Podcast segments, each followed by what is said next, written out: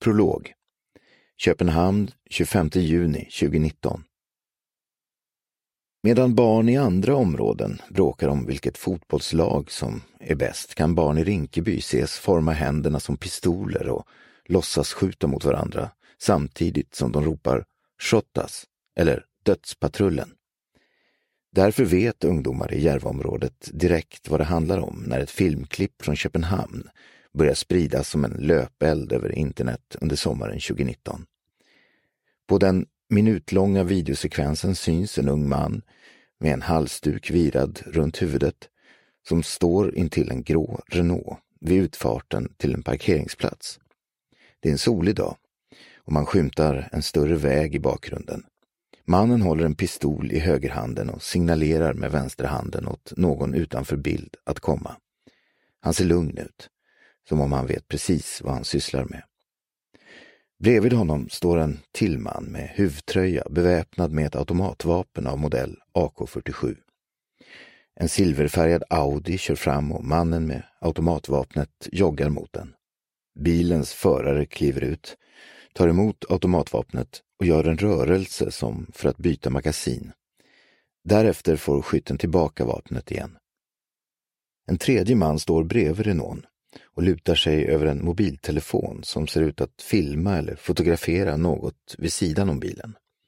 Mannen med AK47 ställer sig bredvid killen med mobiltelefonen och verkar säga något innan han riktar vapnet nedåt och skjuter från nära håll 1, 2, 3, 4, 5, 6, 14 skott.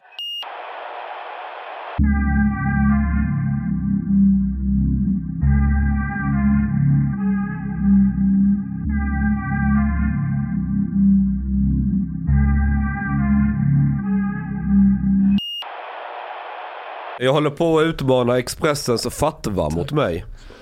Det finns ju, det finns ju en intern fatwa i Expressen att Oavsett vad man refererar till mig så ska man aldrig blålänka till mig. All, Aftonbladet gör det, SVT kan göra det. Men fan inte Expressen.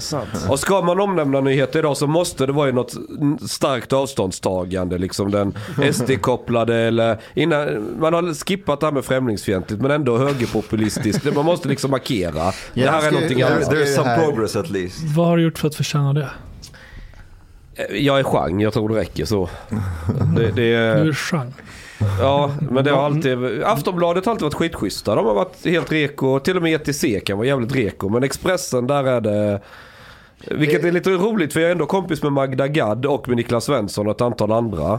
Som är, jag är riktigt bra polare med. Sådär, supertrevliga. Hur, hur fick du reda på den här fatwan? Var det Flashback eller Reddit? Nej men jag har ju sett artiklar när de ska liksom någonting. Alla, Ja, andra, alla andra creddar men Expressen vägrar. Det, jo, ibland har det varit en artikel när någon journalist inte riktigt haft koll på fatwa så har de creddat. Och sen ser man en timme senare när den är uppdaterad. Och så har de strukit blålänken och, och så här för då har någon redaktör upptäckt det. Men hur tror du de resonerar när någon kommer och säger så här, ta bort blå länken? Vad är deras Ja, men de gör ju som chefer säger, du vet fan. Och hur Men- men- resonerar chefen tror du? Jag vet Men nu inte. har ju vi en för detta Ja, Expressen. Men det, det vill komma nu att nu har jag, jag har höjt insatsen mot Expressen. Okej. För det är så att Anna Gullberg jobbar där nu. Och hon kom ju förbi och skulle intervjua mig inför sin bok om eh, Karl Hedin. Och så här bla bla. Så vi har blivit lite polare. Vi har snackat med henne innan med. Hon är rätt schysst faktiskt. Eh, där kommer inte Tino Sanadaji hålla med om. Men jag får ta den dusten med honom senare. I alla fall, nu, nu sitter jag på material som förmodligen kan avsätta en av våra nya ministrar. Gör du det? Yes. Så jag ringer Anna Gullberg och talar om du jag har bilder här på en minister som eh, sitter och heilar till Vitt maktmusik. Oj! Eh, jag kan visa bilden, jag har den i telefonen. Men det, jag kommer bokstavligen slå ihjäl er tre gånger om, om om ni googlar för någon jävel innan jag har publicerat. Säger du det till oss eller Expressen? Men till Jag Diamant. säger det speciellt till Diamant för han jobbar som journalist. Det är din nyhet så jag, jag skulle inte kunna sno den bilden ur din telefon. Så jag, jag lovar att jag ska Men inte det är bara jag som har den. Fan vilket förtroende vi skapar här. Ja, verkligen. Ja, men det, jag måste... Det är mycket jobb för att få fram den här skiten. Jag har fått gå till Expressens barndomskompisar. Eller inte Expressen, till, till ministerns. Alltså, han är verkligen i gyttjan. Han Vänta till lite. barndomskompisar. Han så här, Jag har inte ens fattat att vi har börjat spela. Vad är det som händer? det är så här det går till här. Vänta lite. Här är bilden. Det är, nå- det är vår civilminister. Hon sitter och, och heilar och det är vit maktmusik som spelas. Hur vet man att det är vit maktmusik? För att jag har som intervjuat personer som har varit på festen. De hängde med henne mycket när hon var ung. Men är det här den enda bilden? Är det något Ja, det är, det är den Få bilden som se, få finns. se, få se. Va, vad heter hon? Uh, Kärkeinen, någonting sånt här. Men har du tagit kontakt med henne? Det är det sista jag gör. Men hur gammal var hon där? Ja, men vänta. Så här, jag, jag, ställer en bra fråga. Varför tar du inte kontakt med henne? jo, det är klart jag ska. Okej, det är det du- sista du- gör. Alltså, Ja det är sista okej. jag gör. Jag håller på nu. Så här, jag, jag har en intervju med en kille som har varit på många fester med henne när det spelas lite vaktmusik och grejer. Hon bodde uppe i Haparanda eller vad fan det var. Eh, Och det har ju fått väldigt detaljerade berättelser. Nu är det, det är hans polare som har tagit bilden. Nu ska jag ringa honom. Efter den här podden så ska jag få, jaga tag i honom också. Jag vill ju prata med så många som möjligt och få så mycket material innan jag vänder mig till henne. Ida Karkiainen, civilminister på finansdepartementet. Men kan, kan det inte vara att hon bara var på en fyllefest där man skämtade? Det var många Vi, fester. vi har spelat vit maktmusik på universitetet av, för att garva åt det. Nej, men och så hon har var ju någon ihop. Hon var som- ihop med en kille på den här tiden som var engagerad i den här miljön. Och den här polaren till henne som jag har snackat med. Han berättade att hon var, det var jättemånga fester, speciellt hemma hos henne. Där det bara var typ skinnskallar och, och det var heilande och djävulskap. Men hur, hon var ju jätteung på bilden. Ja, hon var väl 16 års ålder. Ska hon bli avsatt för det där? Jag tycker det är retarded. Nej, bli det är ju samma ålder som när Åkesson gick med i SD liksom. Ja, jag Vad fick han med då när han var 16? Bla bla bla. Vi kan ta exakt samma argument Jo, jo, jo, tillbaka. jag Men fattar. hur, hur, Det är inte jag som har satt spelreglerna. hur trovärdiga källor har du på det här? Hur många personer har du pratat med som var fysiskt på plats som, som är förstahandskällor? Ja, nu har jag pratat med den första. Den först, en förstahandskälla. Ja, sen har jag nu, eh, jag kommer få tag på en kille till. Plus att jag ska söka hennes eh, dåvarande pojkvän. Okej, så Så jag ska försöka tömma ut så många om, som möjligt om jag kan. personen nu ska säga att det här absolut inte stämmer, den här bilden är tagen ur en konstig vinkel, så får henne att framstå på det här sättet, vad gör du då? Ja, om hon säger det. Ja. Då är det ord mot ord. Då får jag citera vad hon svarar. Och så säger jag vad de andra personerna säger. Det är så du gör. Då redovisar ju alla läger. Det är ju journalistik ett A. När ska vi- du ta kontakt med henne och Ja, konfrontera först, med uppgifterna? för, ja, först vill jag ju, det var därför jag ringde Anna Gullberg. För att ringer Jean Frick till sossarna, hej jag skulle vilja prata med en av era ministrar så kan du ju räkna ut själv hur bra det kommer gå.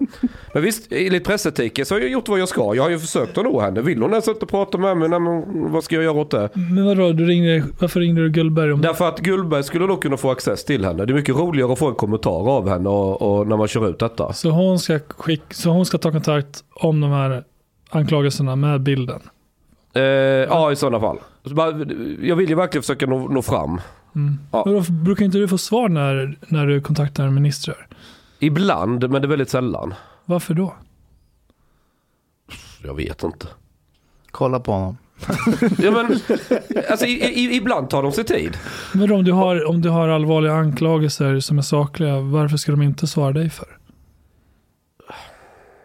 Ja det vet jag inte, jag har haft det innan och då har det varit locket på när vi granskade Mehmet Kaplan. Slutade ju med att han avgick. Men alla de här grejerna det började ju i alternativmedia. Det var ju dels Aktuellt Fokus på vänsterkanten och dels vi. Så var väl var fast på bollen att köra med om det här med Grå Vargarna och hela det köret. Det var ju knäpptyst när vi hörde av oss. När Åsa Romson hade den här dieselskandalen, det var en av de första grejerna jag gjorde. Då var det ju eh, att hon hade kört med skattebefriad diesel och kört båten på det, vilket man inte får göra. Och det kunde jag ju luska fram genom att kolla på båtens, det, alla, det finns ju ett fartygsregister och det finns ju uppgifter om eh, eh, båtar. Så, så jag hade ju kollat upp allting och, och kommit fram till att, och även pratat med experter. Att nej men hon kör ju på en diesel hon inte får använda. Den får bara användas för uppvärmning. Eh, och då i början var det också väldigt svårt att få tag på. Sen när det började liksom segla upp att oj nu börjar detta bli en grej. Och jag hörde av mig. Ja men då pressisen kunde åtminstone ge någon kommentar om det. Men få tag på ministrar, det är vid några tillfällen har det gått men Men har du riksdagsackreditering? ja. Brukar du vara där och hänga och vänta? på Nej jag gillar inte folket där. Varför inte? Jag passar inte in. Men vänta, det här är en, en intressant pressetisk diskussion här.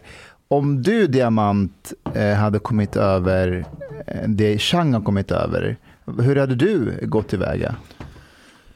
Eh, Jag hade sett till att ha väldigt mycket på fötterna innan. Alltså, prata med så många som möjligt eh, som har varit närvarande på plats. Förstahandskällor.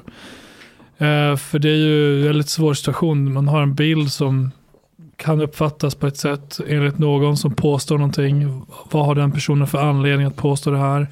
Vad har den för intressen och att få ut den här nyheten? Man måste värdera det också. Jo.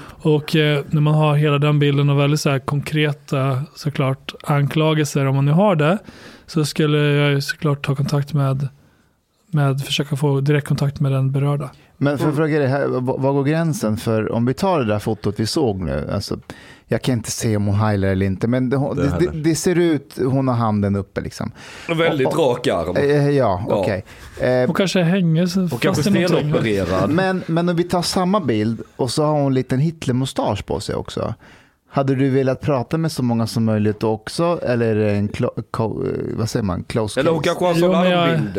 Or, maybe she had a blackface. Ja, men vi, Jag vi hade, börjar med Hitler-mustaschen. jag hade även, alltså, det grundläggande är ju att man hade pratat med så många som möjligt som var på plats där. Precis. Finns det fler som har bilder?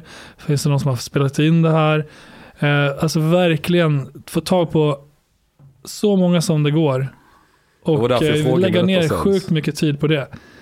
För att eh, verkligen inte kunna säga så här, vi, det är någon som påstår, utan person A, person B, person C, person D, person F och så vidare. Och så vidare säger de här sakerna. Och gärna namngivna personer eh, för att det ökar ju trovärdigheten i så fall. Och jag vet inte hur det är i det här fallet eh, som du har Har du namngivna personer? Jag har inte skrivit artikeln än så det, frågan får du ju...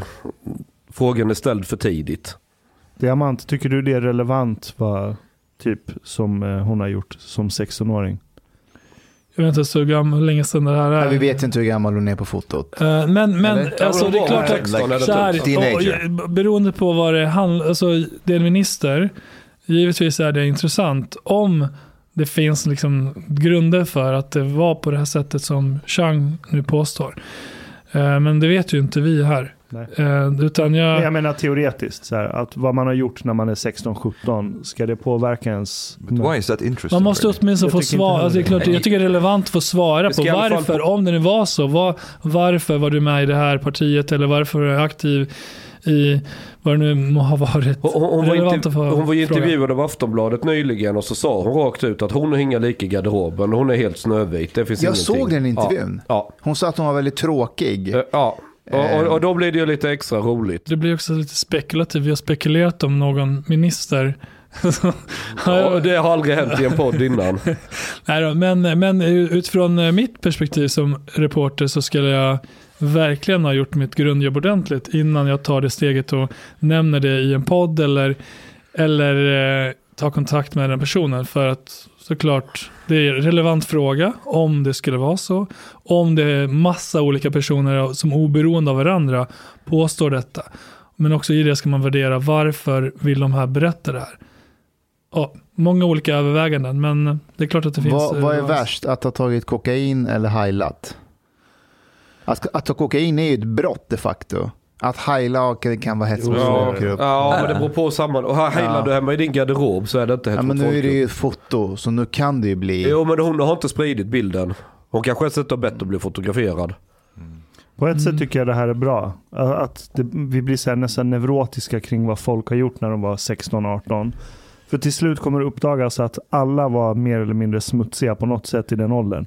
Alla har gjort så här ri- riktigt Ja men dumma, dumma offentligheten bygger ju på att du ska vara en broiler som aldrig tagit en risk i hela ditt Ja, liv. och det finns ju inte. Och jag, tror, Nej. jag hoppas att det banar väg för en så här äkta, autentiska politiker som bara är ärliga. Så här, ah, jag rökte gräs när jag var 21, jag gjorde det där när jag var 25, bla bla bla. Jag dödade någon när jag var 14.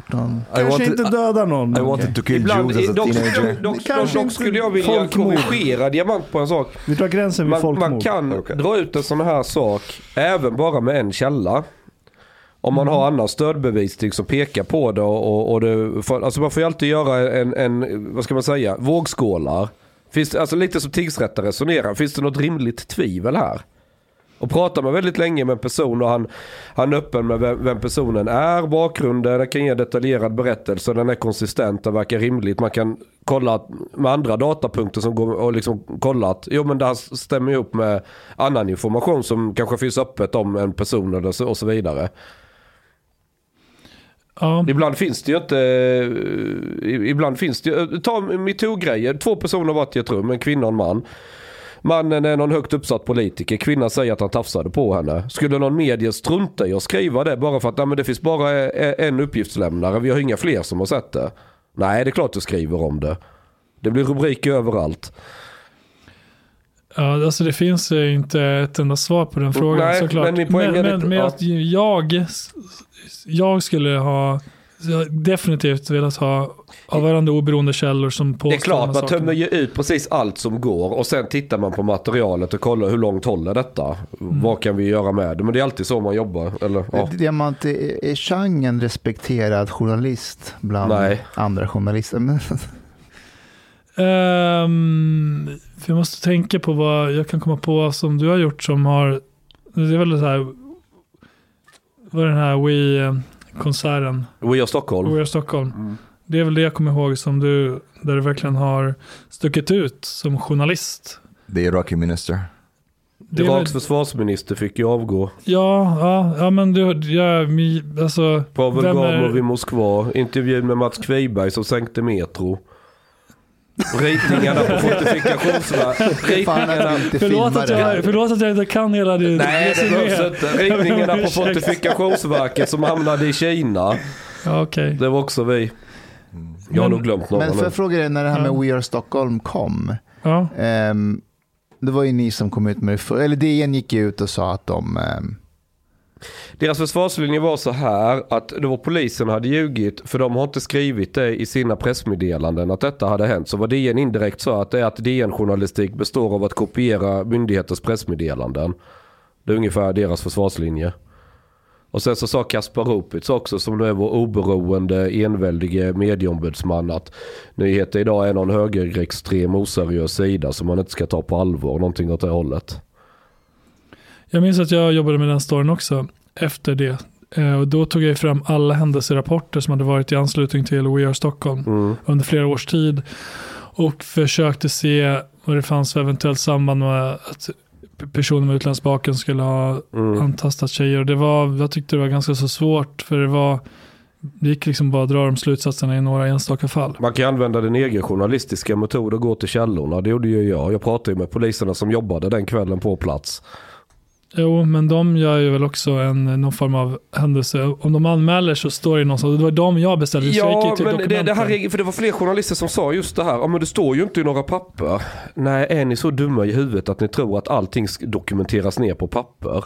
Men tydligen, står det inte på papper så har det inte hänt. Alltså, Trots att jag det bara- finns fem pass som kan berätta det. jag ska bara säga att så funkar det lite att, att vi ser mycket men vi skriver ju inte alltid ner typ, ja ah, det var en massa afghaner där. Nej, det, en det massa får man... Det, det är mellan raderna Då ibland. skriver man grupperingar som gjorde si eller så. Därför att det är väldigt känsligt. Vi ska inte skriva liksom, etnicitet på människor på det sättet.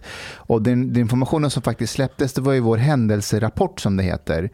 Ehm, ehm, där det stod afghaner, kommer jag ihåg. Ja. Och, Och och, i polisens officiella Ja, rapportering. ja, precis. Fast, fast det är ju inte till för allmänheten. Utan någon hade ju tagit ett foto på det från vår intranät och så Aha. hade det spritts. Ja. Det, det är inte ämnad för, för allmänheten så Och direkt. så blir det nervöst och så tar man bort Ja. det sen. och, och idag Mm. är det så att om någon polis tar ett foto på vår intranät, information, och sprider det, då kan man få sparken. Alltså om man, för att det, du får inte sprida från intranätet på det sättet. Var det inte så förut? Det, är, eh, det kanske är så, det alltid varit så. Men jag kommer ihåg att det blev extra tydligt i samband med eh, romregistret och, eh, och, och metoo. Eller förlåt. Däremot en intressant grej, det var ju att det var ju en journalist på, på, på TV4, Hel, vad fan hette hon? Jag vet vem du menar. Ja, Jag kommer bara inte på namnet just nu. Hon gick igenom alla de här grejerna. När det blivit förhör eller all dokumentation. Och kunde utifrån, en del, väldigt många behövde ju tolkbehov. Och då ser man vilket språk de behöver. Och Dari var ju väldigt vanligt ju. Och då gjorde hon ju en lista, jag tror hon kom fram till i alla fall 70% kunde hon på något sätt härleda till eh, Afghanistan eller vad det var. Men eh, hon hade gjort ett jättejobb med det. Men det ställdes ju, de de ställde ju hela den grejen. Så TV4 pubbade inte. Då hade hon ju intervjuat experter och allting. Alltså så det, jag skulle vara med i reportaget. Jag blev till och med intervjuad. Ja, ja. Eh, Varför ställdes förlåt? Nej men så här. Varför? Vad tror du? Kom igen. Därför, äh, men, okej. Om jag ska förklara vad Chang försöker säga. Mm. Nej, men eh, de kom till Linköping TV4 och, eh, och, och de, de hade gått igenom alla anmälningar från den dagen. Eller det var, nej, det var en konsert året efter, inte samma år. Det var nästa år.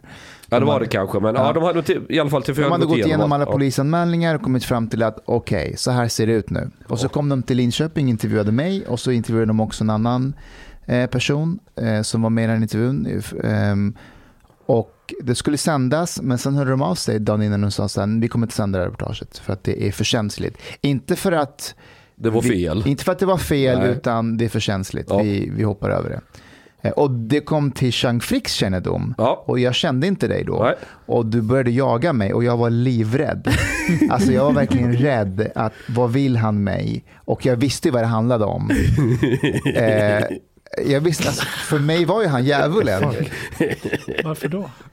För det här var 2000. Kolla på. Därför att på den tiden, Nyheter Idag som sajt och Chang Frick som person, det här är 2016. Jag är fortfarande lika ond. Du inser Ah, väl det är du inte. Du, nu är du med på SVT. Det har blivit eh, normaliserat. inpasseringskort där. Men Nej, exakt men- samma människa jag alltid har varit. Nej, men jag, jag, jag var orolig att jag vill inte förknippas med den här mannen på något sätt. Nej. And then eventually... And then eventually Och vad hände. Mustafa? Vad hände? Hur, hur kunde det bli så här? Ja. Jag hade vänner eh, eh, som varnade mig för Chang Frick. Alltså de sa uttryckligen, akta dig för honom. Den här mannen, sa de, han, han, han går inte att lita på. Han är Nej. en loose cannon. ja. Men det är ju sant ju. Är de vännerna som du syftar till fortfarande dina, dina vänner? Eller har du Eh. ersatt dem med Chang nu? Ja, men, men faktiskt. De flesta har jag inte kontakt med idag. Men, nej, men på riktigt, de, de hade ingen kontakt med Chang Frick. Deras bild var ju också utifrån alltså media. Men det jag ville komma till var att jag gjorde ju en lång artikel av detta. Att TV4 hade, eller eh, eh, Gizén heter Ja, hon. eh, Helene eh, Gizén. Ja, någonting sånt. Ja. Som är på Expressen nu? Ja, det kanske hon var på TV4 då. Mm. Ja. Så jag ringer henne och liksom så, jag hör ju på hennes röst att hon har ju väldigt blandade känslor. För hon ville ju få, få detta publicerat när det blev ställt. Och så frågade jag henne, "Men var- varför, det här är ju ett fantastiskt grej, varför publicerar han inte det? Det får du ta med min chef, liksom bara så här. Hon vill liksom inte, hon var trevlig men ändå, du vet, säger ord som inte ser illa ut när jag citerar henne. Mm. Ja, så jag fattar exakt.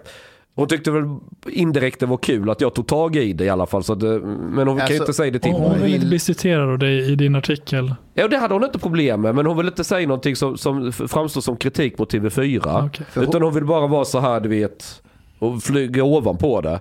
Men jag hörde ju på tonfallet att hon var ändå glad att jag ändå var på det, så att det kom ut. Men kan hon bara liksom ha ryggen fri att det inte är hon som har läckt till mig eller någonting sånt, utan du vet, hon har försvarat sin arbetsgivare så kan inte hon få skit. Den här, det här reportaget om Dumle på Expressen.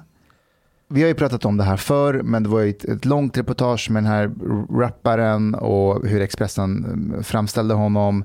Man spelade upp hans musik och så var det coola bilder på honom och, och sådär.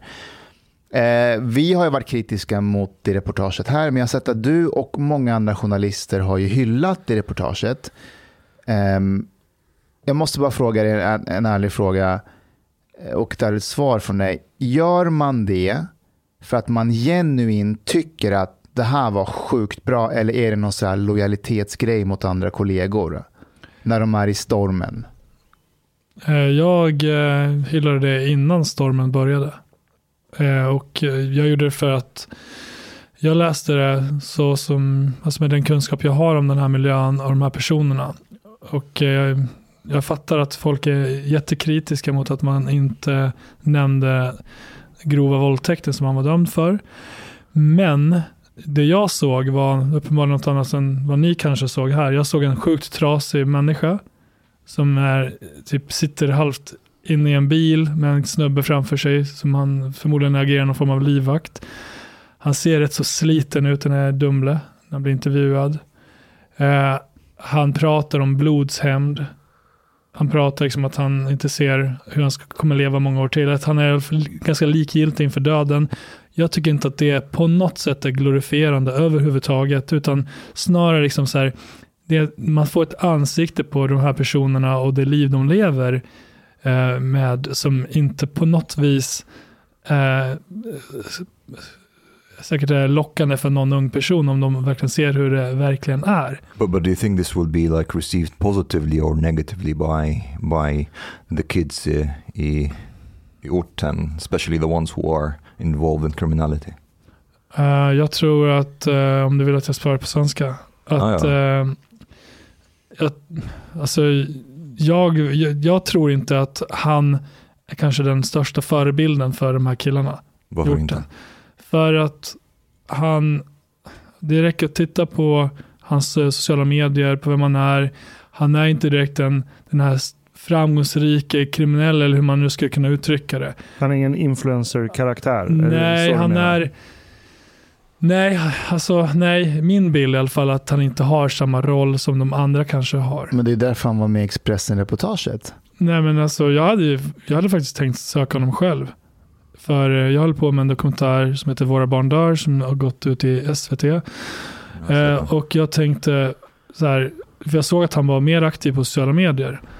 Eh, och tänkte, men det är kanske ett bra tillfälle att eh, ta kontakt med honom för då kanske han vill prata. Eh, men jag hann inte göra det. Så att jag hade gjort det själv. Sen, sen hade vi kanske hanterat det annorlunda rent eh, publicistiskt.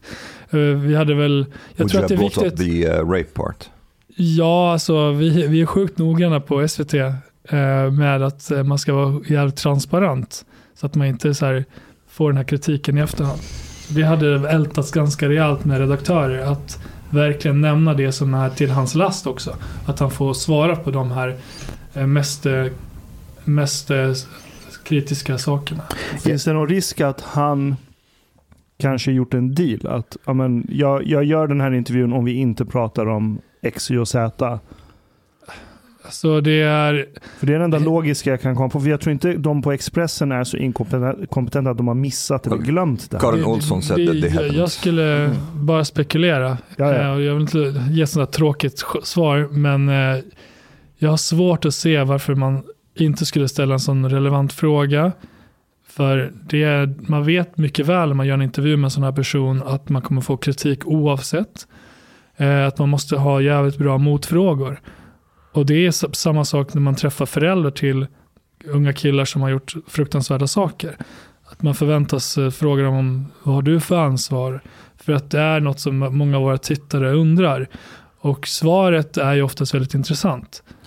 Oavsett hur jobbigt det är att ställa det. Eller hur obekvämt det framgår för, för vissa tittare. Hur kan du ställa den här frågan? Vad har föräldern med det här att göra? Så är det ändå ett intressant svar som man ofta får. Alltså jag håller med om att det blir alltid någon slags kritik mot sådana reportage från olika håll. Eh, sen kan man säga, är viss kritik legitim eller inte? Jag vill bara tillägga att reportaget i sig var oerhört intressant. Han säger väldigt mycket mellan raderna som fick mig att, oh wow, eh, vad är det för miljö man verkligen växer upp i? För när, när han säger att eh, vi är inte som, som Sopranos eller Gudfadern, vi har ingen hierarki på det sättet, utan varje, varje person för sig eh, bestämmer. Det är väldigt läskigt att liksom läsa det, att man önskar att det fanns någon maffialiknande struktur där någon högst upp ändå bestämde på något sätt. Eh, jag är inte kritisk mot reportage, alltså frågorna, det var väldigt intressant att läsa. Ut, utan det var just att man utelämnade det här brottet och att man spelade hans musik i bakgrunden. Man gick igenom hans Spotify-lista i videon. Varför är, det, varför är det nödvändigt att spela hans musik? Ja, fråga Expressen. Nej, men jag frågade, men, nej, men vad hade du gjort? Vad hade jag gjort? Nej, men alltså det, jag hade väl sett till att ha alla klippbilder som jag hade tyckt har varit intressanta och relevanta. Alltså om det är en del av, att här har vi en kille som, som anser att han är en del och öppet pratar om att han är en del av en gruppering som, som många känner till, som, som är inkopplad till jättemånga skjutningar. Då hade jag ju såklart velat berätta hela den personens historia, där musiken är en del av den historien. För han försöker slå igenom genom musiken nu. Eh, Han har ju också börjat trycka upp merch på Dödspatrullen. De Vilket- visade man också i reportaget. Ja, men det, det är också intressant för att eh, i ganska många rättegångar så har ju de här killarna, bland annat i Danmark, som jag har följt, gått och hävdat att de inte alls är med i något gäng. Att det inte finns något som, som heter Dödspatrullen. Eh, och plötsligt efter att domarna föll i, i landsrätten, alltså motsvarande hovrätten, så gick de ut, killar i dödspatrullen, om att de var med i, i att, att de hade en allians med Loyal to Familia, ett förbjudet gatugäng i Danmark. Och hade tryckt upp massa t-shirtar. Så på så vis så blir det ju svårare i fortsättningen för alla som begår brott i Danmark att hävda att de inte är en del av ett gäng. På samma sätt blir det svårt för de som kanske åker fast i Sverige att hävda det. Så att det finns, jag tror att, att jag ser det på, jag ser de här olika leden att det kommer bli sjukt mycket svårare för de här killarna att, att förneka sin koppling till dödspatrullen i fortsättningen, framförallt när det gäller honom. Så att han har inte gjort sig själv en tjänst genom att eh, posta de här bilderna eller att vara ute i den här intervjun, tvärtom. But but now that we're speaking about the music as well, what is vad är din uppfattning when it comes to gangster rap? Does it does it contribute to some sort of radicalization of, of these kids i orten, or does it lead to some kind of escalation of violence, or or is this exaggerated? Eh, jag, Eh, jag, jag kan se liksom att det finns rappare som är jättehyllade och så, som har väldigt starka kopplingar till gäng som är inblandade i grov kriminalitet. Och jag kan se hur de här rapparna har killar i gängen i sina musikvideor, poserar med dem, hur personer som förekommer i musikvideor också sen misstänks för väldigt grova brott. Eh, sen om det, om själva musiken bidrar till att rekrytera personer, det är, det är lätt att påstå, men jag pratade häromdagen med en kriminolog som, inte en kriminolog, men någon som har en professorstitel som är superkunnig på musik och hiphop och försökte hitta forskning som visar eventuellt på att det bidrar till att rekrytera unga personer. Och det finns inte jättemycket på det här. Så vi kan ju påstå hur mycket vi vill och tycka saker, men vad säger forskningen egentligen? Jag köper inte heller det där. Jag kollade, det finns rätt mycket data från USA där du kan se kartläggningar, data på hur många gäng det finns, hur många som är anslutna till de här gängen. Och så kan du plotta det mot, alltså på en graf liksom, mot hur det går för gangsterrapindustrin. Och korrelationen är nästan omvänd faktiskt. Så ju bättre det började gå för gangsterrap-industrin i USA, desto färre gäng fanns och desto färre människor anslutna till de här gängen. But, but doesn't Så the jag- content Jag köper Jag inte har det där heller. just just a second. But doesn't the content, like the lyrics of the songs, it is relevant? Like what exactly do they say? Because, for example, sometimes when I when I read your book, they mention things about like crime or like the they offend some people or attack their enemies in in their songs and so on, and this leads to some kind of like um, they get offended and they they act based on on these. Ja, det, det finns massa sådana där signaler och mm, personer i videon, allt det där finns ju. Men och beroende på vad, vad din fråga är, bidrar det till att rekrytera unga personer? Så har inte jag något svar på det. Eller eskalera våld. Ja, Alltså, Att, att det hetsar, absolut. Det finns ju exempel på det där. Till exempel finns det en, en rappare som 2017 eh, blev utsatt för en massa våld och förnedring. Och det här filmades och spreds. Och den rapparen var sen själv ut och pratade om att det berodde på en, en text, eller en, en rad i en låt som han hade släppt tidigare. Som Du, ett exempel. du, du, har ju, du skriver ju i boken också, Tills alla dör. Eh, du, du, du drar in någon textrad där man ur textraden kan typ gissa vem det var som begick ett visst mord. Men att polisen inte kunde fälla. Där i texten så framkommer det mellan raderna att det var en hämnd. Så här, här fick du tillbaka. Jag kommer inte ihåg exakt vilken det var. Det var någonting med mass, karaktären Masla tror jag det var.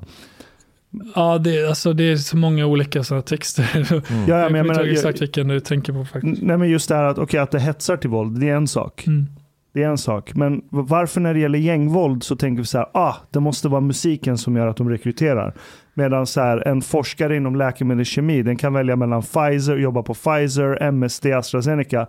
Så de behöver inte ha så här hiphop-låtar på Spotify för att rekrytera folk. Varför like måste just gäng av alla verksamheter, varför måste deras rekrytering härledas till But- just musik? Isn't the context though like relevant as well? Because it is it is kind of straightforward that it, it kind of contributes to a glorification of a some subculture. And and when it glorifies a certain subculture, which it does, that is bound to make that subculture a bit more attractive in in the environment. Like I'm not saying that somebody in Östermalm who's listening to gangster rap will become a, a gangster, but at the same time, if it's these kids, those rappers who are gangsters and who kind of glorifies this culture, it will have an effect in the environment they exist in, in Rinkeby and Järva. Uh, because it makes it, you know, more Och attractive. det, och det säger lärare och andra som man pratar med, poliser framförallt, att de här killarna som ju är i gängen och som är kanske rapartister dessutom, att de blir någon slags förebilder för de här. Eh, Men bidrar till att de här yngre själva ger sig in i den här miljön? I don't know. Mm. Men om, jag vänder, om vi vänder på steken. då borde det vara fritt fram att spela vitt maktmusik i P3. För det kommer ju inte rekrytera till nazism eller högerextrema organisationer. Det är ju bara musiken man gillar ju. Skulle du säga så om det, Diamant? Vad ska jag säga om det? Nej men du, liksom så här, I don't know, så var det lite så här att Nej, men jag, jag vet, gangsterrappen, jag vet väl inte om det rekryterar, ja, men då så vitt om, makt. om, ja, om, men, man, om, man, eh, om man nu hetsar mot folkgrupp i texter så är det ett brott i sig att hetsa mot Mm. folkgrupp. Men inte att man ska skjuta ihjäl eh, konkurrentrapparen och knulla hans mamma och det där vanliga Alltså tugget. i, I Storbritannien har, man ju till, har polisen sett till att eh, YouTube har tagit bort massa musikvideor Mm. där man anser att man hetsar mot Är det bra rivaler. eller dåligt då? Eh, alltså jag, jag, jag, jag vet Jag inte. tycker det är dåligt. Jag vet faktiskt inte vad jag ska säga om det om jag ska vara ärlig. För att Jag tycker allt jag, jag, jag, tycker det, jag, tycker inte att, jag tycker inte att det går att bara jämföra rakt av med vit maktmusik. Om, Nej, de skjuter om ju det- inte ihjäl varandra. Om det i texten, låten, på riktigt uttalas hets mot folkgrupp. ja. Det, går inte, och det, är- det är som ett tydligt brott. Men att påstå så här väldigt metaforiskt att eh, vad man ska göra med sin opponent, Mm. Som är svårt att bevisa i en rättegång vad det faktiskt innebär. Men du kan, det kanske är liksom en, en liten pusselbit av många för att förstå en konflikt. Mm. Jag tror att man måste, i de här fallen, i alla fall de fall som jag har tittat närmare på, så är det så jäkla många såna kommentarer som i utredningar så försöker polisen så förstå hur det här pusslet hänger samman. Ja. Men jag tror att det är jävligt svårt på så här rakt av och säga att det här fick den konsekvensen, även om det finns jäkla många indicier i texterna och i, i konflikten. Men om man nu är liksom en smutsig näthatare som Jean Frick och bor i Bålsta och ser den här diskussionen så tycks den ju lite efterbliven. För okej, vi ska inte ha vitt maktmusik för det är ett brott, det är ett mot folkgrupp. Men vi kan spela musiken av grabbarna som skjuter ihjäl varandra konstant i förorten och gärna stryker med en och annan oskyldig. För där kan vi inte vara helt, helt säkra på, är det verkligen koppling från det ena till det andra? Förstår du hur jag menar? I det ena fallet, vi har ju folk som fucking kastar handgranater. De, det, en, det var ju en som dog nere i, det var en sån här försåtsminering militär som, de skjuter in i folks lägenheter. Det är liksom hela den här miljön. Så då har vi ett gäng jävla ölnazister i Ludvika som sitter i ett torp och heilar och dricker folköl. Men de jävlarna, deras musik ska vi fan akta Well, oss för. uh, I, think neither neither of them should be banned, but both of them should be criticized. Uh, Jo men man of thing. behandlar det så jävla olika. De som faktiskt mördar, där är det silkesvantar. Fast jag vill inte höra vitt mat, vitt, vit maktmusik på Sveriges Radio eller Spotify för den delen. I mean, you don't have to listen to it. Men du, du, du, har ju du har ju förmodligen en större målgrupp som, som lyssnar på band som Ultima Thule än vad du har som har lyssnat på Yasin om du skulle summera över tid. Och du skulle aldrig... Vad sa du? Hur många ska lyssna på Ultima Thule idag Problemet är att det är svårt månad? att mäta men varenda jävla håla utanför Stockholms tullar. Om du går till vilken jävla epatraktor du vill. Så ska du, Fortfarande, inte, inte på fortfarande, 90-talet. fortfarande, fortfarande skulle jag säga. But uh, Diamant, Men det är inte lika poppis idag som det var för 10-15 år sedan. Nej. Men det är fortfarande mycket vanligare än man tror. Men det syns inte. För du har det inte på Spotify, du har det inte på de här listorna. Så du får inte siffror på det. Ultima. Thule finns visst på Spotify. Finns de? Ja. Deras, fan. deras topplåt har fyra någonting miljoner streams. Yasins topplåt har 30 miljoner streams. Ja men han köper hälften av sina då? streams. Det går inte att se, tyvärr. Nej. Men deras topplåt är runt 4 mille. Yasins topplåt är runt 29 mille. Uh, Diamant, I, I just uh, finished reading the book. It's it's I, I really I really like it. It's uh, it's a heavy reading, but and you've done it in a I would say in a very objective manner. Uh, but I'm actually I'm a bit curious about your subjective take on the whole thing. Um, for example, under your investigative work, what what did you find that was kind of a little bit shocking to you, or or you thought was strange, or something you really did not expect at all? Uh, eh, jag tror att det var vad jag tyckte var som förvånade mig så skulle de kanske säga hur... eh, Alltså jag tror att man kommer utifrån, man tänker att eh, föräldrar, ibland en diskussion om att föräldrar inte är så närvarande, att de inte försöker. Här var det faktiskt så att det som förvånade mig är att föräldrar hade till och med fortfarande starka band till varandra fast deras barn är fiender. Och eh, till exempel så eh, efter ett mord i Danmark när pappan han, han körde buss fick det samtalet att hans son var mördad i Danmark och han förstod liksom ganska snabbt vem som kunde ligga bakom. Eh, det han gör, det första han gör är att han ringer då alltså den tänkte förövarens pappa och säger åt honom att eh, få bort sina barn. Så att de inte är i Rinkeby så att någon kanske blir utsatt för något hämndmord eller liknande. Och det, det chockade mig lite att Mm. eh, det ändå finns sån ehm, att föräldrarna att föräldrarna var så pass eh, närvarande i det som hände men också brydde sig om de andra barnen. För jag, jag tänkte att det hade splittrat föräldrarna mycket mer. Men i det här fallet var det inte så. I, I thought that part was interesting as well because it's very different from how it is in honor culture. Like in Egypt, for example, there are some parts who have this vendetta culture, this tar, it's called. In Kosovo, Albania, Mm. Afghanistan och så vidare. Inte Afghanistan. Uh, so, so basically, if, if somebody in the family is killed, the whole family of the person who murdered them are now enemies. Even eh, the women and children. Nej. Nej. Nej, nej. But the men. Ja. The Men men i Kosovo så är väl både fruar och barn också som ingår. Eh, nej, egentligen inte. Men jag har gjort report, förlåt att jag vi bryter av där. Nej, Men, nej. men att eh, vi, jag har faktiskt gjort eh, reportage om blodshämnd i, bland albaner i Expressen. Ja. Och då var det eh, för många som var oroliga över att nu eh, att man till och med eh, som kvinna kan bli måltavla och barn. Ja. Eh, Men det, det som är då normala är att man bara ger sig på vuxna män. Man får inte ge, på, ge sig på dem när de är i sitt eget hem, så därför isolerar sig männen i hemmet. Jaha, för då får man inte ge sig på dem? Nej, det finns liksom ändå vissa regler. Jaha, det finns en tjuvaheder i hederskulturen? Ja, i ditt hem, så du och jag, du, du, vi ska kunna vara blodsfiender. Ja, Men om jag bjuder in dig till mitt hem, ja. så, så måste jag visa dig respekt, servera dig det bästa jag har, alltså precis som du vore en väldigt fin gäst som jag väntat. Så vi kanske borde bli Men blodfiender utanför, då? när du kommer Jaha. utanför mitt hem, Då är det knivslagsmål? då, är det, då ligger du illa till. Oj, oj, oj. Nej men jag vill bara säga, det här förekommer Ja. eh, i bergsbyar och det var ju för att det inte fanns någon form av rättsväsende som fungerade. Eh, så människor lärde sig att hantera det på, på sitt eget sätt.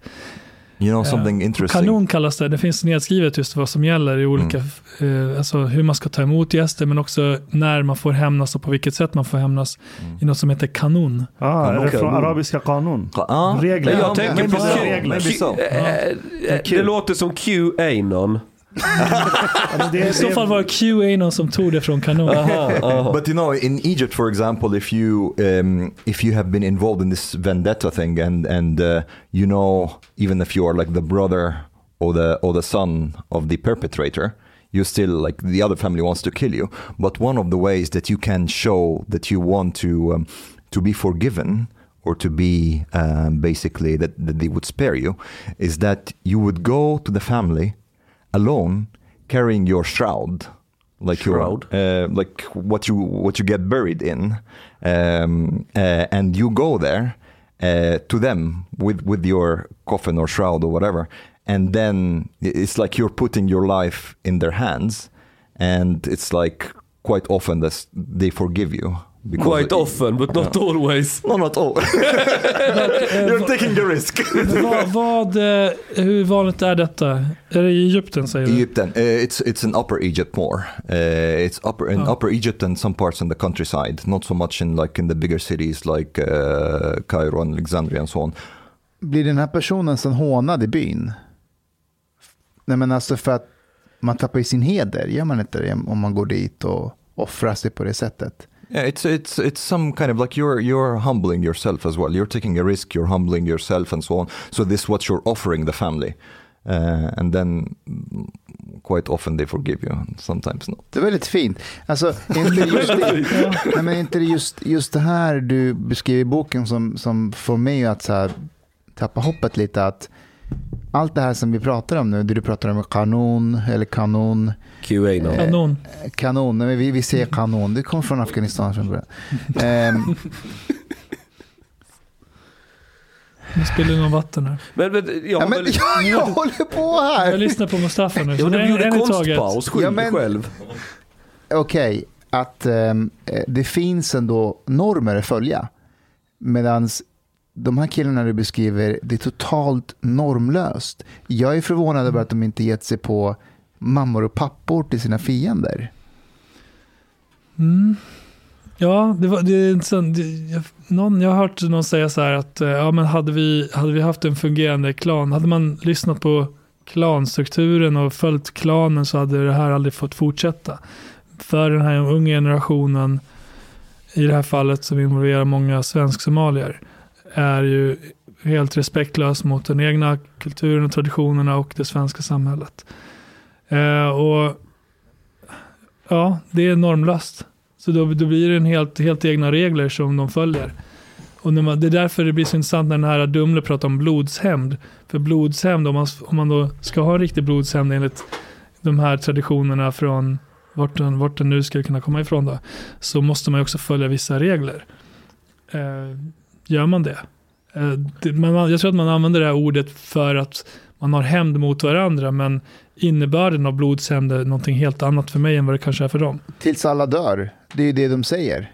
Ja, ja, Medan i klankulturer, Afghanistan, många andra länder, där försöker man ju ändå sona, så man försöker komma fram till en kompromiss med blodspengar eller annat sätt. Man vill, man vill ju dämpa det. För att bo, alla vet att vi vill inte ha krig. mm. Det ska vara lugn och ro. Men okej, vi är beredda att offra det här och det här. Men vad ska man då rappa om? But, but, but one, one thing uh, also that I found interesting is that there is this uh, kind of clear difference between a lot of like let's say normal people, even like uh, parents of people who who were killed and so on, who have a totally different view of how things should be than, than compared to the activists.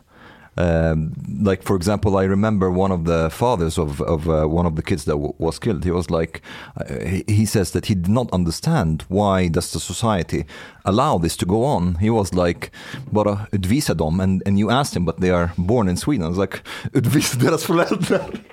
It's Man like, pratar just do something. Ja, men han är ju desperat och förbannad och det är väl typ en sån reaktion som man faktiskt får en hel del när man pratar med människor som är utsatta för våld. De skiter väl i var, alltså de vill ju ha rättvisa på något sätt.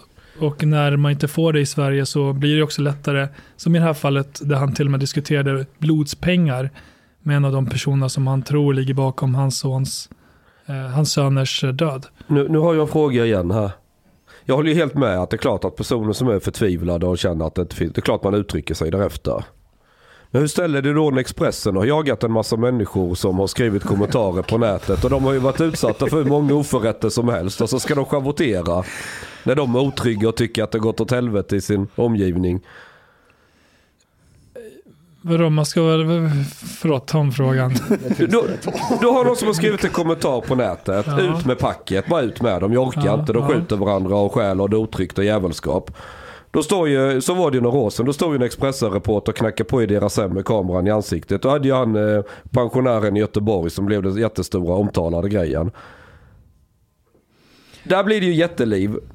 Men, men är det någon invandrare som säger i, i princip exakt samma sak? Ja, ja, men det kan vi ha lite förståelse. Det, jag menar, det är hopplöst och jobbigt och sådär. Nej, men vadå? Vi, I det här fallet så frågar man ju den här personen varför han resonerar så. Då får jag ju förklara. Mm. Det är väl rimligt att man låter de här personerna som i många fall kanske är förtroendevalda eller har varit det, Mm. att få stå till svars för varför man uttryckt sig på de sätt som de har gjort. När man knackar rimligt. på hos folk som inte är förtroendevalda som Jim Olsson, är det, det är också bra journalistik? Ja, men ska jag stå till svars för all journalistik Nej, jag bara frågar var du står någonstans här för det är lite Nej, jag- intressant. Vi är inne på många frågor liksom. Nej, jag, tycker att, jag tycker att är, jag tycker att framförallt om det är förtroendevalda personer, eh, att man ska kunna stå till svars för saker som man har sagt. Givetvis. Men, Men, ett att man program får en som Trolljägarna när man tar någon pensionär som röker gula Blend under köksfläkten och, och som har skrivit Men skit i, om i någon. många av de här fallen så kommer de aldrig ihåg att de skulle ha skrivit sådana här saker. Så det är, ju- det är jag vet inte vad, vad det beror De har på. skrivit så mycket skit. så de Så de kommer- inte, nej det är i för sant. Det är i för sant. Eller så var det någon annan som råkade ha deras lösenord. Men, men får jag fråga dig, kommer Ja. du ihåg på Trolljägarna, så, eh, eller var det Aschbergs eh, 200 sekunder eller vad den heter på Aftonbladet? Eh, då var det en kvinna som, var, som, jobb- som jobbade som frisör. Och hon var övertygad om att Fatemeh Shavare var en man. Alltså att hon hade utklätt sig till en man och hon spred det här som fan på nätet. Hon hade en egen blogg. Det- hon, det ju- hon hade tagit reda på att egentligen så heter hon det här namnet och han bor på den här adressen. Och då sökte Aschberg upp henne Ja. på hennes frisörsalong. Och bara så här, med Fatimeh Shavare, hon var också med. Och, och, och konfronterade henne att men hon, hon är ju här nu. För att hennes take var, hennes take var att det är omöjligt att hon leder den här unga ensamkommande afghanrörelsen. As a woman. Och att de litar på henne för att hon är en kvinna. Enligt islam så kan hon inte vara liksom en, en ledarfigur.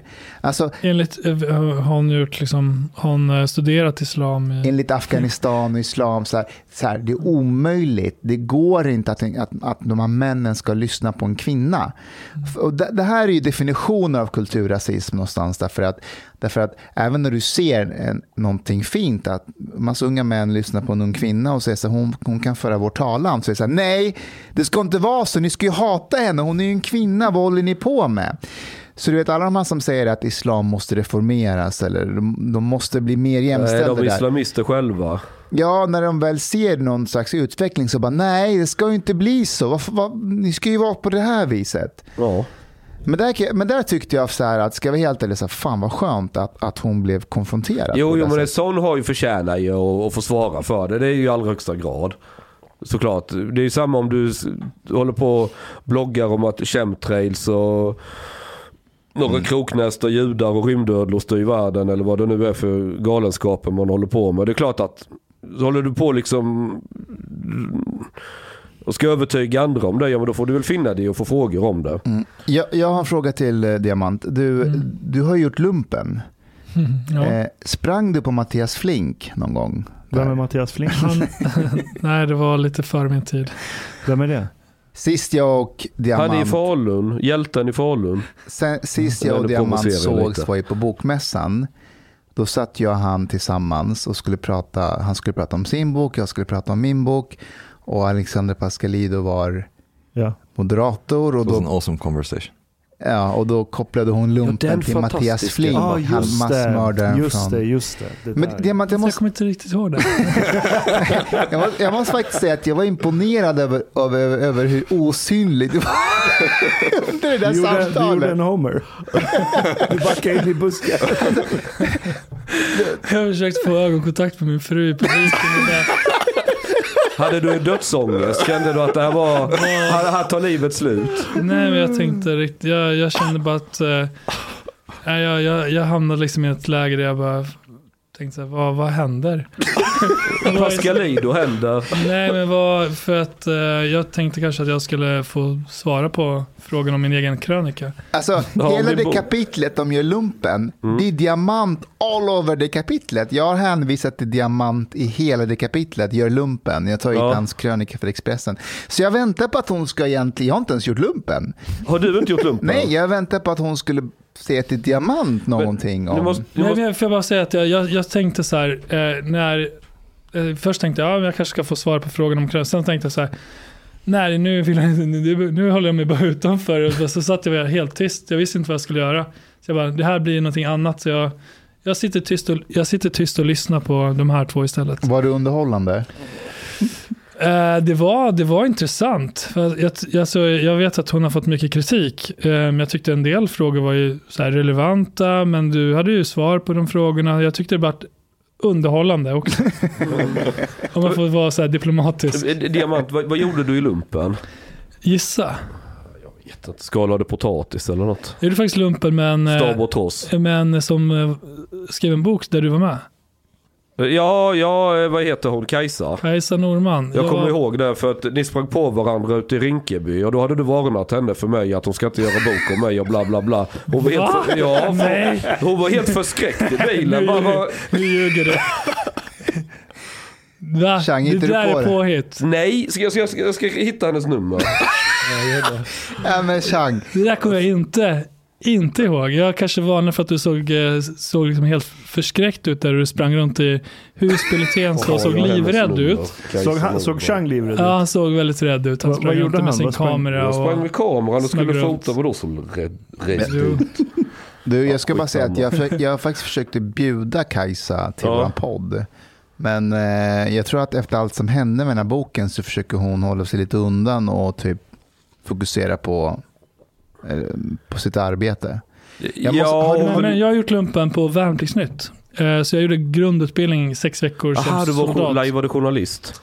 Jajamän. Eh, jag, var, jag skulle egentligen ha gjort längre, så här 15 månaders tjänst, men sen fick jag höra talas om att man kunde vara journalist. Och då sökte jag dit, så fick jag då göra en grundutbildning och det var jävligt kul. Så det är min erfarenhet av det militära. Sen var jag var civilklädd och det Så var ju du, gjorde bara gröntjänsten och sen var det att vara journalist istället? Ja, Jaha, du blev Och ju för mig- militär då. Nej, men jag fick ju åka runt i hela Sverige och träffa alla, alla som var då riktiga militärer, om man får säga så. Gjorde du lumpen förresten? Jag? Ja, Nej, vad fan tror du? Jo, jag körde stridsvagn. Ja okej. Leopard 2, 55 ton manlighet. Okej, men i alla fall så var, det, så var det sjukt roligt för de som var med i min grupp. Var ju en snubbe som jag delar rum med, han kom från Övertorneå. Och den som, så var det en fotograf som kom från någonstans i Lund, ute i Vischan. Så det var ju väldigt kul för man fick ju verkligen träffa på massa olika människor. Och min krönika som jag skrev när jag jobbade för Expressen, det handlar om att jag också hade kompisar som till exempel växte upp i Järvaområdet och som hade en jävla massa fördomar mot då etniska svenskar och det var ju först i lumpen som dels att de fick åka skidor och te- testa på det livet men också träffa personer som de hade jättemycket fördomar om och insåg att de var väldigt lika genom lumpen. Så det var liksom för, Killar det skapade en förbrödring bland personer som då var väldigt långt ifrån varandra på alla sätt annars. Så på, på så vis tyckte jag att Ja, men det är klart de var mycket jävligt gemen... viktig. alltså, Både grabbarna i orten och grabbarna i hemvärnet gillar ju Kalashnikovs. Eller, eh, här handlar det väl mer om att så här, göra svåra saker tillsammans. Att gå igenom svåra motgångar, att vara ledsen, att vara hemifrån, att växa upp ihop. Eh, Och hemifrån den och också att inse, inse att den som man kanske tror har alkoholiserade föräldrar, som, som min kompis tänkte om de som var etniska svenskar, Mm. att det inte alls var så. Alltså enkla, istället. enkla, enkla fördomar som, eh, som inte motsvarade Fast, den bild de hade. jag är ju van att alla mina fördomar ändå stämmer. Som... Vad är det för fördomar? Var Av, ska vi börja? Var ska vi börja? Ah, Okej, vi skippar det. Va- varför, varför blir du journalist? Eh, ja, för att eh, jag tror att det har att göra med att en lärare i åttan uh, uppmuntrade mig att skriva en uppsats. Och eh, det gick bra. Jag fick uh, 5000 spänn av Rotary i stipendium. Vad handlade uppsatsen om? Det handlade om att vara ung i Borlänge, att växa upp. Och eh, jag skrev, jag har för mig att jag skrev någonting om så här identitet och vad man är och inte är. Alltså när man växer upp, eh, kanske ni kan relatera till, eh, att man kommer ut som ung till Sverige. Och sen ska Hur gammal var du när du kom till. Sverige då? Sju år, Och från vilket land kom du? från Kosovo. Och när, när, när, vänta, när är du född? Jag vill bara se. vilket- 83. Okej, ja, men då är vi typ samma. You know. Eh, Så när, han- när kom jag, ju är till 80, Sverige? jag är 85, jag kom 86. så jag Diamant är ju jugge ju. Kosovoalban. Ja, jugoslav. Kosovoalban. Ja, jag sa ju det, jugoslav. That's where it comes up. Se om det hur mycket det går att provocera honom. Fortsätt. Nej men, eh, men det, då, då vann jag, fick jag det här stipendiet och då sökte jag så småningom till lokaltidningen. Jag började ettan på gymnasiet och jobbade som ungdomsreporter, hoppade in helger och så vidare. Och, så vidare. Mm.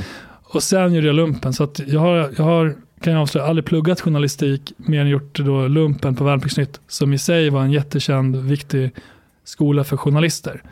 Som man fick söka till. Ehm, så för att jag tyckte om att träffa, tycker om att träffa människor och fördjupa mig och berätta andras historier.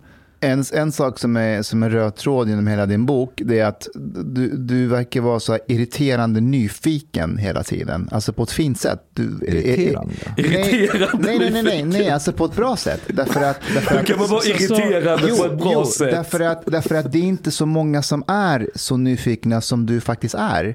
Alltså, oftast när man eh, läser någonting eller journalister som jag sitter och pratar med, de vill oftast eh, säga sina egna versioner, vad de tycker och tänker, sin egen teori om hur saker och ting ligger Vilka till. då? Chang Frick till exempel. Eh, eh. Medan du, du är verkligen nyfiken. Det, det verkar som att du verkligen, vem du än träffar vill du höra och förstå. Mm. Ja, men eh, jag, vet, inte, jag tycker inte att det är så konstigt. Även om det låter som en komplimang, tack. Det är en komplimang. Eh, så eh, ja, jag, alltså, helt ärligt, jag gillar, jag tycker mer om att lyssna. Därför är den här rollen som jag befinner mig i exakt just nu, att jag ska hålla på och bidra till att så här, säga kloka saker, den är ganska svår för att Du får säga dumma saker också. Ja, självklart. Det skulle jag helst undvika. Men eh, Nej, nej, i, i de är här det? sammanhangen, eh, låt säga att vi skulle suttit här och eh, druckit en öl, eh, så hade jag varit den som kanske hade sagt minst. För att jag tycker om att lyssna på vad andra har att säga och ställa frågor. Vill du ha en öl? Nej, men, men det, är nog, det, är nog liksom min, det är nog min naturliga roll i sociala sammanhang. Jag har inget behov av att så här, synas och framträda och verka duktig, utan jag vet vem jag är och jag föredrar att vara den här som är mer, jag lyssnar in vad andra har att säga. Vissa har mer behov av att prata än andra, kanske. Jag, jag tror journalistik, eh, också mycket likt att vara en bra lärare. Jag tror inte det går att utbilda sig till det. Jag tror det är en talanggrej. Det är som att vissa människor har talang för att vara en jävligt bra pedagog och lärare och inspirera folk och hjälpa folk fatta grejer. Men en som inte har den talangen kan du aldrig träna upp. Oavsett hur många år på universitetet du trycker den igenom så kommer den aldrig kunna bli en bra lärare. Det finns inte. Och jag tror journalist kommer i den kategorin också. För det är jättemånga som går journalistprogrammet men aldrig blir bra journalister.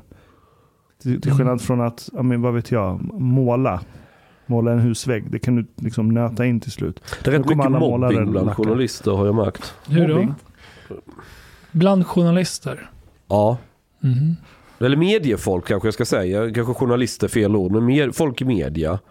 Det är väldigt Vad mycket. menar du med mobbing? Eller, Nu, nu kan jag prata lite från egen, egen perspektiv men det är ofta så här unga tjejer som har gått journalistprogrammet, fått något vikariat på SVT och så sitter de på Facebook och så har jag gjort någon artikel om någonting. Och då börjar de alla klaga om hur hemsk jag är och allting och... eh, Vadå för artikel? Det kan vara vad fan som helst. Men ta eh, ta nu det här med Iraks försvarsminister. Det tog ju tre dagar innan andra media. Och då, är- då är det ju alltid en viss typ av människor. Bara, men om detta var sant hade det ju stått i alla tidningen, Ni är dumma i huvudet. Man kan ju inte lita på något Jean Frick skriver. Och bara kör, det stenhårt. Att jag, jag, jag, det är ju ökänt att han bara ljuger om saker. Trots att man inte kan presentera någonting jag skrivit som osant. Och det är ingen som har kunnat. Eh, och sen visar det sig sen att jag har rätt som alla andra gånger. För jag, jag, jag, och det, jag utmanar vem som helst. Visa vad jag har skrivit som inte stämmer. Det har aldrig hänt. Och, och det, det har ju många fått lära sig den hårda vägen. Men jag har varit med väldigt mycket om det där att kommer det från fel person då kan man inte ta i det. Och det, och det finns exempel där det gått riktigt nästan extremt långt. Eh, det var ett rån i Västerås. Eh, som blev väldigt uppmärksammat för polisen visste om det i förväg så de väntade i buskarna och de han komma typ några hundra meter med bilen och sen var de omringade och allting. Det var ett pantbanksrån. Ja, killarna blev häktade allting. Killar är för övrigt som är med i Shottaz, en av dem. Det var de säkert. Jag, Mm. Du har men du vet vilket pantbanksrån jag menar i Västerås. Jag tror att det är Ja. det. Mm. Och då såg jag att en av killarna hade varit med i en intervju ett par år tidigare. Utanför ett apotek som hade varit utsatt för massa brott och grejer. Och han vaktade apoteket. Och så hade han fått beröm av självaste Beatrice Ask som var dåvarande justitieminister. Och då hade ju hela artikeln klar att och det här är lite genant ju. Här har ju en minister gett honom beröm och allting. Sen visar sig att han, eh, du vet, han ska vara ett fint föredöme och så eh, har han varit pantbacksrån pantbanksrån något år senare. Och jag tipsade lokaltidningen VLT eller vad de heter där i Västerås att den här kommer vi köra ut snart. Jag tänkte det kan vara intressant för er. Åh ja, jätteschysst, tack för tipset. Så de gör en artikel, publicerar med allting med ask och hela köret. Och så sa jag till dem, ja glöm bara inte, ni kan ju länka till mig i alla fall för det var liksom jag som har gjort jobbet liksom och jag hade min artikel. Ja då kommer det in en länk, ja men jättebra, gött. Så fick jag ett mail 20 minuter senare. Då har de avpublicerat artikeln för att de, de samarbetar inte med nazister.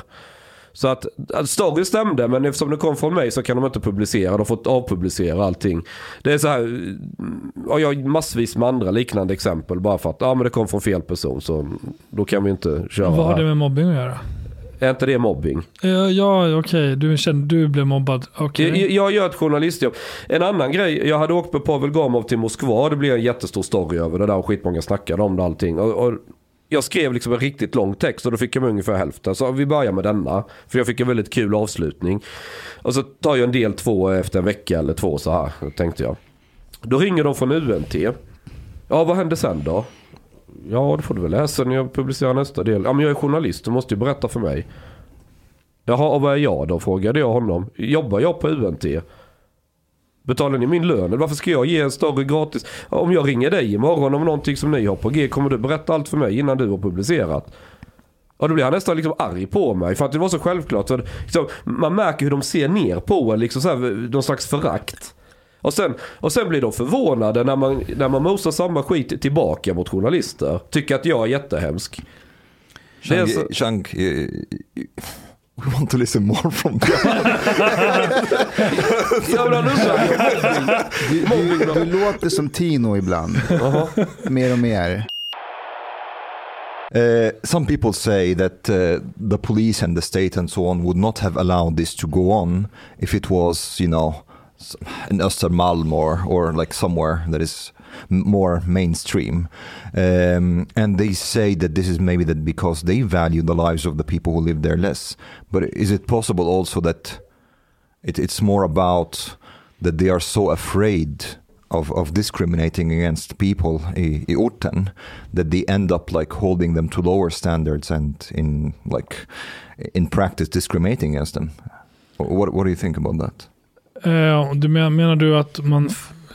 Like for example, if it was maybe more uh, just ethnically Swedish people who are involved in this criminality, there wouldn't be, be this like fear that maybe mm, uh, the police would be racist if they if they really go hard against them or something like that. But they they hold back a little bit. They are softer towards people that are not ethnically Swedish. Du menar att polisen skulle vara, vara det? Eller vilka skulle vara softare? Oh, the police or or the Att, state. att polisen skulle... Jag vet inte om jag förstår din fråga. Förlåt, Att polisen är mjukare mot Ja. vissa typer av brottslingar för att de är invandrare av Ja. rädsla för att bli stämplade Oj. som rasister. Eh, or, the state in general. They don't want really to to go hard. nej, men alltså jag har hört, jag, jag citerar ju personer i boken också som, som berättar liksom att de har fått höra att det ska vara så här, sanera er själva, lite, lite den tonen. Sen har jag frågat det, poliser som säger att det här att det är synd att människor har en uppfattning att det inte stämmer, att det finns såklart rötägg också inom poliskåren, men att det såklart inte är alla poliser, att tvärtom så lägger polisen hur mycket resurser som helst i de här morden som gäller personer i förorterna och så vidare.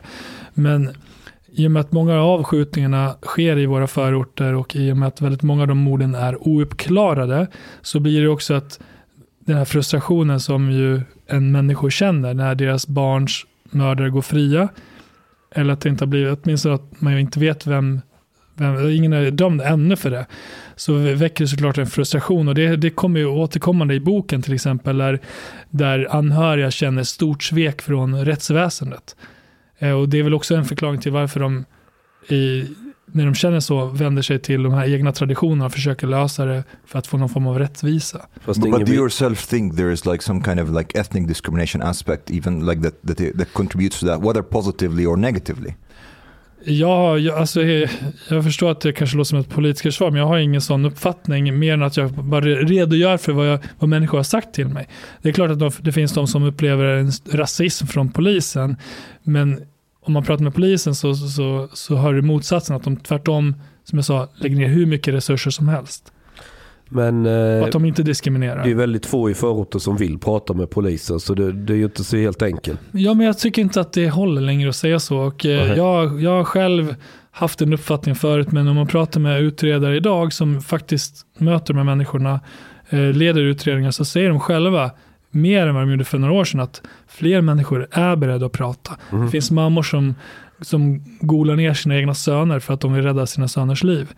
Så det, det, när man hör det här så tycker jag att man ska ta det med viss tveksamhet. Okej. And there are people in the book that basically, if I remember correctly, who said that they are in favor of anonyma vittnen till exempel. Eller hur? Ja, en del vill ju ha det. För att de tror att det skulle kunna hjälpa. Men som, som jag Do förstår när jag, pratar med, när jag pratar med kriminologer och frågar så här, vad finns det? Finns liksom positiva effekter av det? Så är det att i de länder där det, för, där det finns en möjlighet att vittna anonymt så används det ändå relativt sällan. Så vad skulle det göra för skillnad? Det, är- det, det, det är svårt Ja, det är att säga. Men en del, verktyg. en del, du säger det? Ja, jag, ty- jag tycker anonyma vittnen är dåligt. Varför då? Därför Det att för för, försvaret måste ju alltid... Okej. Du har lyssnat så här långt. På sista måltid. En mycket fin radioprogram i Sverige. Du tycker det är mycket trevligt. Men, min vän, lyssna på mig nu. Du har inte betalat biljett på klubb sista måltid. De har blate grabbarna de behöver pengar.